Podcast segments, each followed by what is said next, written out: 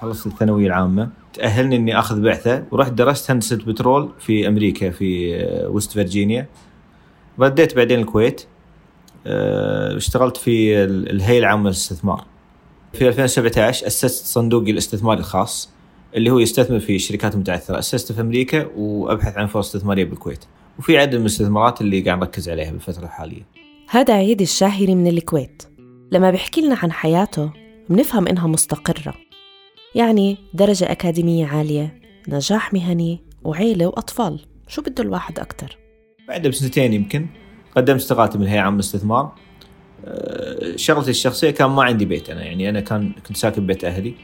فما عندي بيت فحاولت أشتري بيت يعني براتبي وكذي لقيت إنه غالي البيت ما أقدر أشتري فليه ما أقدر؟ البيت البيت هو اللي بينقص عيد وبنقص عشرات الكويتيين اللي بيعيشوا من سنوات أزمة إسكان. لهيك قرر يطلق حملة ناطر بيت اللي راح تشكل واحد من أهم حركات الضغط على الحكومة الكويتية ومطالبتها لتضاعف توزيع الوحدات السكانية.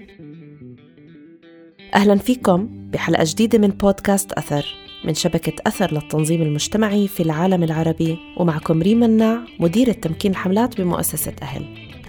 برنامجنا بينقل تجارب تنظيمية لحراكات مجتمعية وحملات شعبية بمجتمعنا لنتعمق مع بعض بمفهوم القيادة.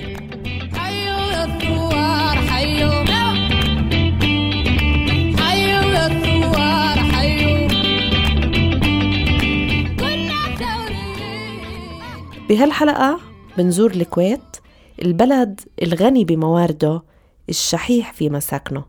رح نتعرف على حملة ناطر بيت اللي ما اقتصر دورها على المطالبة بل راحت لأبعد من هيك وأخذت دور رقابي على الحكومة بعد ما نالت استحقاقاتها. كان في وعي إن موضوع ال- العطاء للشأن العام يعني آه، أنا كوني يعني منخرط بالمشاريع التقنية يمكن الوضع رأس مالي بشكل بحت. ما في يعني أي تعاطي إنساني.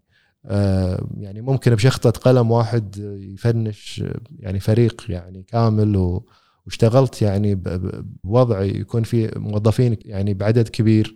ممكن يعني وضع الشركة مثلا مرات يحتم يعني إلى إنهاء خدمات عدد كبير ويتأثرون وعوائلهم بس بالنهاية يكون هو هذا القرار المناسب علشان الشركة يعني تكمل. فلازم يكون بحياة الإنسان يعني جانب بالشأن العام آه، بحيث إنه هو يعني جيف باك حق ال- يعني المجتمع آه، بالقدرات أو الأشياء اللي يحس إنه يقدر يعطي فيها. هذا بشار عضو اللجنة المنظمة للحملة وهو متخصص بتأسيس الشركات الناشئة في مجال التكنولوجيا. وكمان ناجح بعمله وعنده دخل ممتاز بس مع هيك ما كان قادر يأمن مسكن لإله. خلال فترة ال 2011 2012 الفترة اللي اللي هي كانت تمثل فترة ما يسمى بال- بالربيع العربي كان في يعني حراك فكري كبير. والكويت ما كانت يعني منفصلة عن هذا الحراك. بهذه الفترة كان طبعا الحراك نحو تطوير ال- النظام السياسي بشكل كبير. ومن من بعد هالفترة هذه يمكن تشكل الوعي حول أهمية الحراك المجتمعي بخصوص القضايا المجتمعية الكبيرة خاصة قضية الإسكان. ومع متابعته لتفاعلات الثورات العربية على ال social media زاد إيمانه بقوة الأدوات الرقمية بإبراز القضايا الاجتماعية وقضيته كانت من وحي واقعه اليومي. قضية الإسكان طبعا هي تمس آه، كل شرائح المجتمع بالكويت. هذا شيء يعني يأثر على سواء الناس يعني الموظفين البسطاء أو سواء كان الإنسان دكتور أو مهندس أو ذو يعني دخل عالي. والسبب أن بالكويت يعني ما حد يقدر يشتري بيت بسعر مناسب.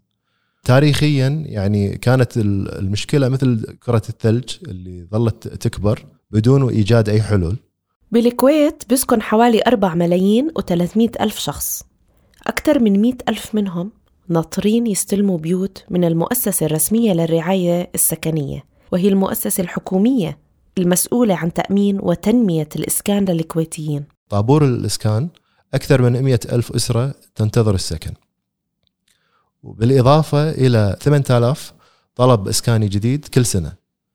آه، اللي الحكومة كانت توفرة بذ- بذاك الوقت تقريبا 1000 إلى 1500 وحدة. فبشكل طبيعي هذا الشيء كان سوف يؤدي إلى يعني تفاقم المشكلة وزيادة أسعار ال- السكن.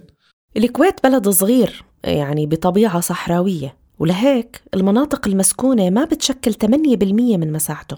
وهاد خلق فجوة بين تزايد عدد السكان والبيوت المتوفرة لدرجة إنه الكويتي بنطر بمعدل من 10 ل 15 سنة لحتى يحصل بيت. يعني المواطن الكويتي يقدر يشتري سكن بأي مكان بالعالم لأنه دخله عالي إلا في وطنه ما يقدر يشتري بيت. وعدا عن قلة الأراضي بتفتقر المساحات الفاضية للبنية التحتية وشبكات الطرق وخدمات المياه والكهرباء. بالإضافة إنه أسعار الأراضي كتير مرتفع. كل دول العالم البيت هو ال- الغالي والأرض تكون سعرها عادي يعني والكويت العكس. يعني سعر الأرض تقريبا 70% أو 80% من العقار و20% هو ال- البيت. ما هان علي صراحة وخاصة إن أنا بنيت نفسي من الصفر فإني أنا أروح وأستثمر هذا المبلغ بأرض فضاء كان الموضوع مو منطقي جدا يعني. ملاك الأراضي بيستغلوا ضيق المساحة وحاجة الناس المتنامية لبيوت ليضربوا الأسعار بالعلالي. ليش لا؟ لما في قانون بشجعهم على الجشع. وبسمح للشخص يمتلك لحد 5000 متر مربع من دون ما يدفع ولا مليم للدولة. يعني أصول بصفر نفقات تشغيلية. إحنا يعني اشتغلنا يعني أكثر من مرة مع أعضاء في مجلس الأمة لتغيير هذا القانون. بحيث إن آه، اصحاب ال- ال- الأراضي ال- ال- الشاسعة آه، إحنا مش ضدهم لكن آه، ضد انه يصير متاجرة بالأرض الفضاء. إحنا إحنا نشجع ان اصحاب هذه ال- العقارات يبنونها تدخل في نطاق آه، الوحدات السكنية المتوفرة للمواطن. بالمستقبل إحنا نشوف طبعا أن أن كون الدولة قايمة في دور آه، توزيع الوحدات السكنية والقروض الإسكانية قد لا يكون حل مستدام بال- بالمدى البعيد. لذلك مطالباتنا بتفعيل موضوع التطوير العقاري بحيث إشراك القطاع الخاص بشكل أكبر مع الدولة، يعني الدولة اليوم هي المالك الأكبر للأراضي في الدولة. ممكن إن القطاع الخاص أو المطورين العقاريين عن طريق برامج معينة الأرض تسلم من الدولة وي- ويجي المطور العقاري يبني هذه البيوت آه، ويتم البيع على المواطن بهامش ربح تحدده الدولة. فهذا الحل نشوف إنه هو مستدام بشكل أكبر بالتزامن مع طبعا حلول تمويلية بحيث إن المواطن اولا يقدر يحصل بيت بشكل سريع وبسعر مناسب وبتمويل مناسب ويكون في تنافس بين المطورين العقاريين آه، بتوفير هذه الوحدات السكنية بأحجام مختلفة. قد يكون يعني الأسرة الصغيرة ممكن ما ما تحتاج البيت كبير مثلا. فيكون في تنوع بالوحدات السكنية بحيث إن المواطن يقدر يختار المسكن المناسب له بسعر مناسب.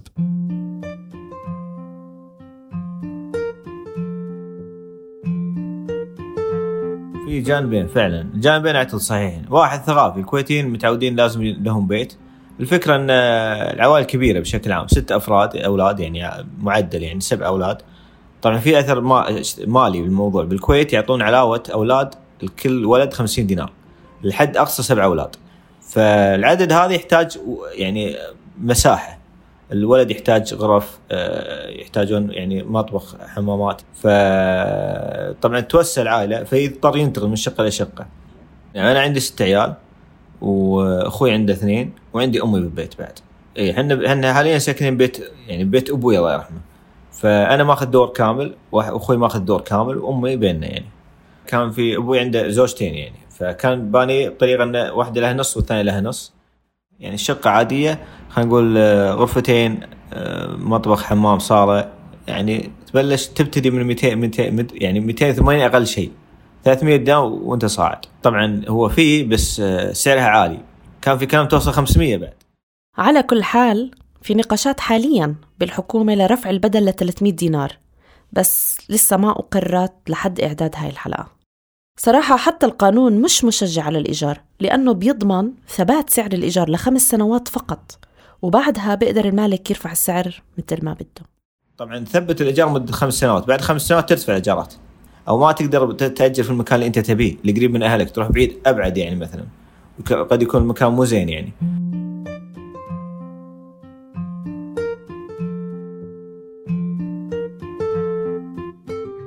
بسنة 2011 الكويتيين بيلتحقوا بصفوف ثورات الربيع العربي وبيطالبوا بإصلاحات سياسية واجتماعية واقتصادية. إحنا الحين في قاعة عبد الله السالم بعد اقتحام مجلس الأمة والتأكيد على مطالبتهم بتحقيق الإصلاحات السياسية. ولأول مرة توقع اشتباكات بين المحتجين وبين الشرطة وتسببت بإصابة عشرات المواطنين.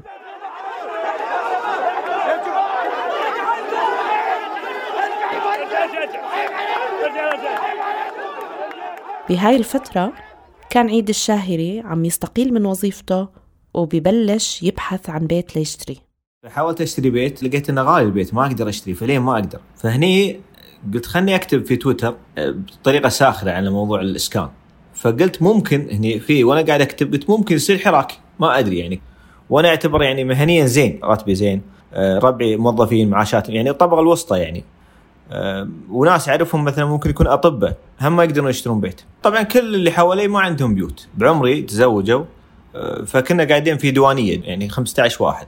ال 15 واحد بنفس العمر تقريبا واحد فينا بس عنده بيت و14 واحد ما عندهم بيت. فهني عرفت إن المشكلة يعني أوسع. قلت أنا أتكلم عن نفسي عن مشكلتي اللي ما عندي بيت. فهني بديت أحاول أبحث يعني. لقيت مثلا فهمت في قوانين تشجع الإسكان في مثلا في أمريكا. فكان في مثلا عندهم نظام على وقت رئيس بوش يعني إنه لازم في بيت حق كل مواطن مثلا. طبعا هذا ساهم في ارتفاع أسعار بعدين زا- انخفاضها بعدين. بس بديت أعرف في اهتمام في المجتمعات العالم كله مشكلة السكن. الكويت آه واضح إنه ما مو قاعدين نسكن. وربعي طبعا واجد ساكنين إيجار. أنا ساكن بيت أهلي بس واجد ساكنين إيجار. كان حساب ناطر بيت على تويتر بتطرق لقضية الإسكان بأسلوب ساخر. وهالسخرية جذبت متابعين ومهتمين. ومع اكتسابه شعبية وثقة أكبر بلش يصيغ رسائله بصورة واقعية أو جدية أكتر. بالبداية هو مجرد حساب تويتر تتحلطم وتتكلم عليه عليه على المواضيع هذه. ما في أي يعني قيمة أو مضافة ولا يعني شخص واحد قاعد يتكلم. كان عملية ساخرة في البداية. فانك تكتب تغريدة مثلا إحنا يعطونا بدل ايجار في الكويت تقريبا 150 دينار. الإيجارات بالكويت 300 دينار أقل شيء. فأنا أقول إن 150 دينار هي رشوة حق المواطن عشان ما يطالب في بيت. لكن تخليك تأجل تأجل تأجل ما تشتري. مع الوقت بدأ يضيفون الناس الحساب. الناس اللي يعني بالبداية كنت أنا أكتب بطريقة اغرد بطريقة ساخره ما ينفع خلاص كلها تطنز كلها تضحك ما يصير خلاص. بديت يعني نعطي حساب شوي جدية. بدينا نتابع الأخبار يعني.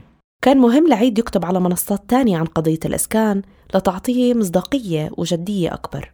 وبما أنه عنده خلفية عملية وأكاديمية متينة في إدارة الأعمال بلش يكتب مقالات توضح رأيه في القضية وتخلي الناس تلتفت له أكثر كمحرك لقضية الإسكان. كنت أكتب في جريدة جريدة الغبس في الكويت. فقمت أحاول أفهم الموضوع وبعدين أقرأ يعني بعد ما أقرأ أكتب رأيي في الموضوع وأنشر ال- المقال. بالطريقة هذه حطيت أرشيف أنا ثبت على نفسي الكلام هذا لي أنا أقدر أرجع له بعدين وممكن المسؤولين ينتبهوا له. الجانب خلينا نقول إعلامي أكثر. فللحين مجهود فردي يعني. أكتب مقالة أغرد تغريدة شخص واحد يسويها. ربعي يساعدون اثنين ثلاثة. بس ما في حاجة للتنظيم بالمرحلة هذه. هو مجرد يعني خلينا نقول آه، فضفضة يعني وترتيب أفكار فقط يعني. فالمرحلة الأولى خلينا نسميها مرحلة يعني جس النبض مرحلة آه، الانتقال من الجهد الفردي إلى الجهد الجماعي. هذه المرحلة الأولى. وهون إجا وقت تأسيس الفرقة رسميا والبدء بتنظيمه وتوزيع الأدوار. أول شيء تحديد مكانه. من اللي يتكلم وقت الاعتصام شلون تتأكد إنه يعني اللي يتكلم يمثلك؟ ممكن تصير هوشة بالاعتصام ممكن الناس تهاوش طق بعض يقول آه حملة هذه حملة كلها هواش فهني صارت العملية تحتاج التنظيم. فهني قاعد أفكر يعني كنا قاعد نفكر اثنين يعني اثنين ربعي قاعد يساعدوني بس مو يعني ما مو فريق إحنا الحين. بعد الاعتصام عندنا ثلاث لقاءات نوزع كل واحد يطلع بالراديو والتلفزيون سوينا جروب واتساب.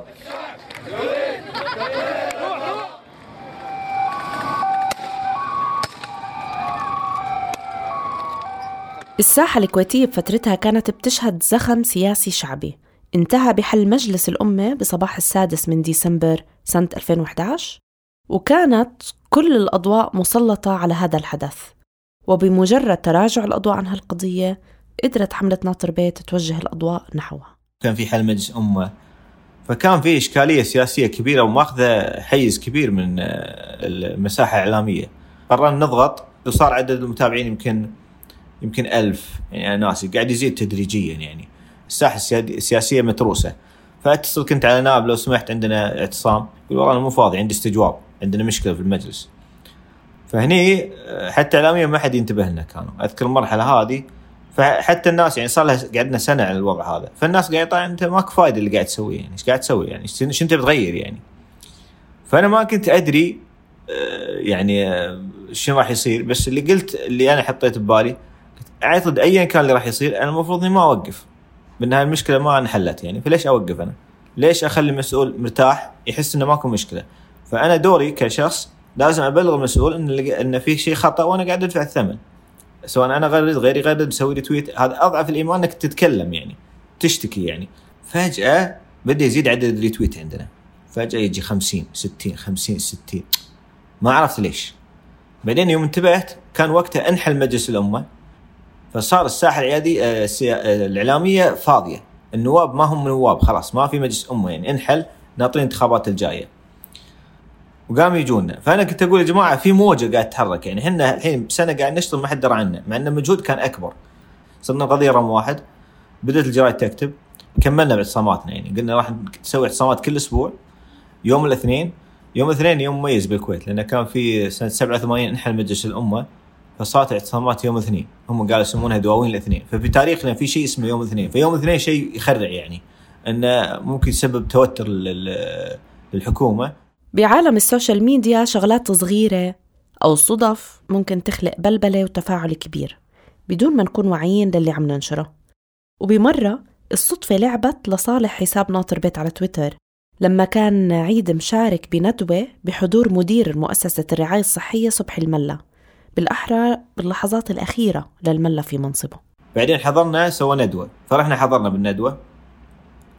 أذكر ذاك اليوم كنت قاعد بالندوة. وهو قاعد يتكلم كان يقول هو أنا ما كنت منتبه بس قاعد يقول أنا خلاص أنا راح أمشي. فأنا ما عرفت شنو يعني راح أمشي. جريدة الرأي جريدة عندنا كانت تكتب إن صبح الملا استقال للشخص اللي قدامي يعني. أنا ما فهمت إنه استقال بس قلت شنو استقال فعلا؟ كان اكتب تغريدة استقال صبح الملا باللحظة هذه كان اكتب حنا إنه استقال حنا ثاني خ... يعني ثاني حساب كتب الموضوع لاني كنت موجود بلحظتها. فجأة العالم كلها طبعا كم قاموا يكتبون إن حملة ناطر بيت أطاحت في مدير الرعايه السكنية. إن أصبحت الحملة آه، لها لها ثقل معين وأدت لحدث معين اللي هو استقالة آه، صبح الملا يعني مدير الرعايه السكنية. فأذكر هذا اليوم اللي خلاص صرنا إحنا الواجهة الأساسية من موضوع الإسكان. بدأت الحملة تصيغ خطابها الموجه للحكومة بشكل أكثر صراحة وأقوى. طالبتها بوضع هدف محدد. توزيع 12 ألف وحدة سكنية سنوياً. وهذا بالتزامن مع عمل لجان الحملة على الأرض والدعوة لاعتصامات. كان عندنا فعالية ديوانية ناطر بيت بالهواء الطلق. الديوانية إحنا باللهجة الكويتية هي عبارة عن مجلس. كنا نسوي هذا المجلس أمام مبنى الرعاية السكنية. فكان في مثل يعني يعني قاعدة إحنا نسميها نسويها و والناس تتوافد وبس تقعد يعني ما في شيء. فكان العدد صراحة كبير يعني. فلا يعني بوقتها يعني وعينا على مدى تأثير يعني الحساب وتجاوب المواطنين مع الدعوات. فبالبداية طبعا ما كان في استجابة من الحكومة. يعني ما كانوا مقتنعين يعني بشكل كبير. فصار في دعوات آه، من اللجنة المنظمة لحملة ناطر بيت آه، للاعتصام آه، والعمل الميداني وكانت الدعوة توجه لجميع المتضررين من الأزمة الإسكانية. وصار في تفاعل بطبيعة الحال لأن عدد المتضررين كبير. قاموا الناس يعني يتوافدون إلى ساحة الإرادة استجابة لطلب الحملة. كذلك تم الدعوة إلى الاعتصام أمام مبنى الرعاية السكنية لرمزيته. آه، وتم الاعتصام اسبوعيا لمدة 12 أسبوع وكان يعني التوافد المواطنين يزداد. الحملة امتازت بغنى برنامجها أنشطة متنوعة وتفاعل مع الناس والحكومة بطرق مختلفة من ندوات لنقاشات مفتوحة لدعوات لاعتصامات وتدوين مستمر. وهذا ساعدها على توسيع قاعدتها الشعبية. بعد 12 أسبوع آه، قررنا عمل آه، فعالية آه، الخيام وتم نصب آه، خيام صغيرة بشكل رمزي انه يعني المواطن مو لاقي بيت وإذا ما تعطونا بيت هذه الخيام منصوبة بالساحة. فوقتها أعتقد يعني صار في تغطية كبيرة لهذه الفعالية. يوم عن يوم المؤيدين بيزيدوا والضغط على الحكومة بتضاعف. لحد ما أعلن مجلس الأمة عن توفير أكثر من 12 ألف وحدة سكنية. طبعا ليش 12000 لأن في 8000 طلب جديد و4000 علشان يحلحل عدد من ال 100000 اللي ناطرين سكن. مع الوقت ممكن ان تتحلحل المشكلة بالإضافة إلى الحلول ال- الجانبية.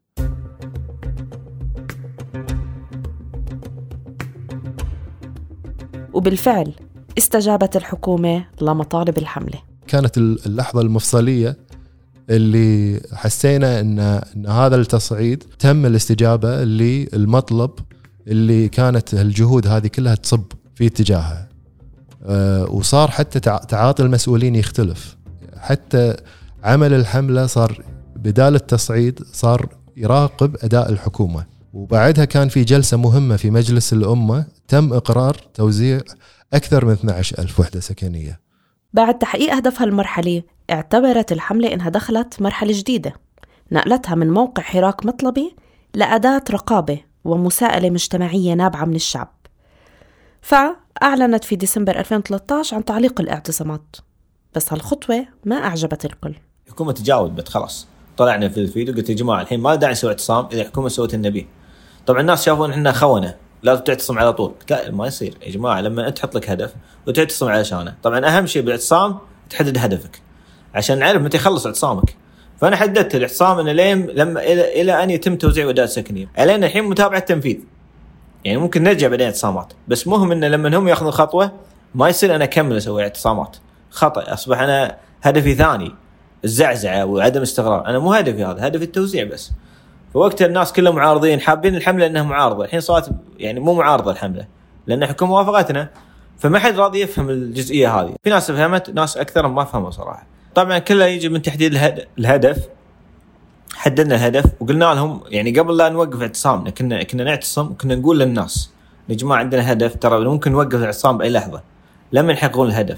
فأول شيء يعني هو لازم تكون واضح تتكلم بكثرة على الموضوع هذا إنه ممكن توقف لما تمشي الأمور لما لما تنحل المشكلة. تراجع الحملة بالوقت المناسب خلى الحكومة كمان تثق فيها وتلجأ لها وتستشيرها بقضية الإسكان بدون ما تفقد الحملة هويتها كحراك شعبي مطلبي. إحنا تعاوننا مع الوزراء الحين صار أي وزير إسكان يجي يعني أول اجتماع يسوي مع الحملة. عشان لأن عنده الأرشيف مال العمل ال- ال- المنظمة عندنا راينا المستمر عندنا يعني آراء تساعد وزير دائما من خارج الوزارة يعني. أصبحنا إحنا كأن نمثل آه، متعاملين مع الرعايه السكنيه فتعاوننا مع الحكومة مهم جدا. صار كل نائب جديد بيقدم سؤال أو استجواب يسأل الحمله مثلا. ده حتى تسترجع الحملة ثقتها بالناس كان لازم تشدد رقابتها على التزام الحكومة بقراراتها وتحافظ على علاقتها بالشارع. تسمع من الناس. وتعرف شو عم يصير على الأرض وكيف عم يتم توزيع وتسليم الوحدات السكنية على المستفيدين. تقوم الحكومة عادة في طرح جدول زمني لتوزيع الوحدات السكنية سواء في آه، المناطق اللي راح يتم التوزيع آه، فيها وعدد هذه الوحدات. فيكون إحنا عندنا علم مسبق بالوعود الحكومية المنوي يعني العمل فيها في هذه السنة المالية بحيث إنه يعني آه، لا يتم التباطؤ يعني بالتوزيعات. يعني يمكن إحنا اليوم نتكلم عن حكومة جديدة في الكويت وقمنا بال بالالتقاء آه، يمكن قبل أسبوع أو أقل مع وزير الإسكان الجديد. وشرحنا له بالضبط آه، دور الحملة من عشر سنين. نعطيه نصائح نعطيه الأشياء ال- ال- خلينا نقول الأخطاء اللي بعض الوزراء يعني قاموا فيها وعلشان هو لا يطيح فيها. آه، كذلك آه، التقينا في في اللجنة الإسكانية أو عضو اللجنة الإسكانية بالبرلمان. ومع تعيين مجلس أمة وزراء جداد قدرت الحملة تثبت وجودها كمرجع للحكومة بيمثل الناس يمكن في فكرة يعني ممكن مهمة للحملات. ال- السياسيين بشكل عام يهمهم إحراز النقاط. فإذا إذا إذا أنت كحملة مجتمعية تروح وتعطي يعني البحث مالك جاهز وتقول له تفضل يعني روح وإحرز النقاط بس بالشكل الفلاني. وإحنا ندعمك ونقول إن أنت ممتاز. بكثير من الأحيان يروحون ويسوون هذا الشيء. ويهمهم إنه يكون الدعم من يعني حملة تمثل يعني المتضررين بشكل مباشر من ضمن آليات الرقابة اللي بتوظفها الحملة إصدار تقارير دورية عن قطاع الإسكان بتضمن إحصائيات ومعلومات بتوعي الناس وبتذكر الحكومة إنه الحراك صاحي بسجل ومستمر وحتى قمنا آه، نصدر آه، تقارير ربع سنوية آه، تقارن الوعود الحكومية مع ما تم توزيعه على أرض الواقع. آه، هذا الشيء كان يسبب آه، يعني آه، ضغط إيجابي على متخذي القرار في الحكومة آه، على يعني تنفيذ هذه الوعود.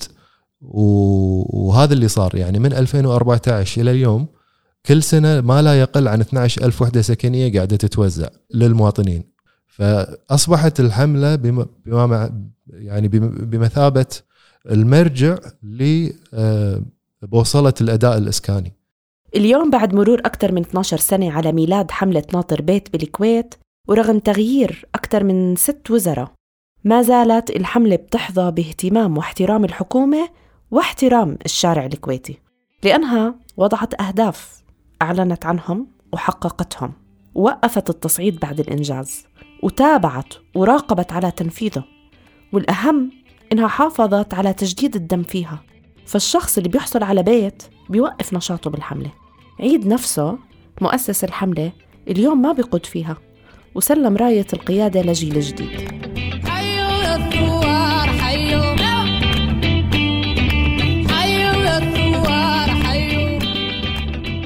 بحلقة اليوم تعرفنا على حملة ناطر بيت اللي بتهدف لتحسين واقع الإسكان في الكويت. وشفنا كيف فهم علاقات القوى بينعكس على أثر الحملة مجتمعياً وسياسياً.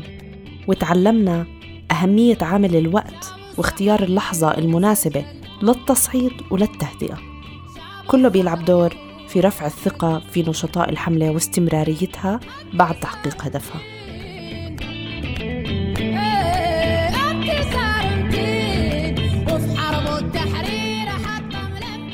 بودكاست أثر من إنتاج مؤسسة أهل وكنت معكم ريم مناع. سلام.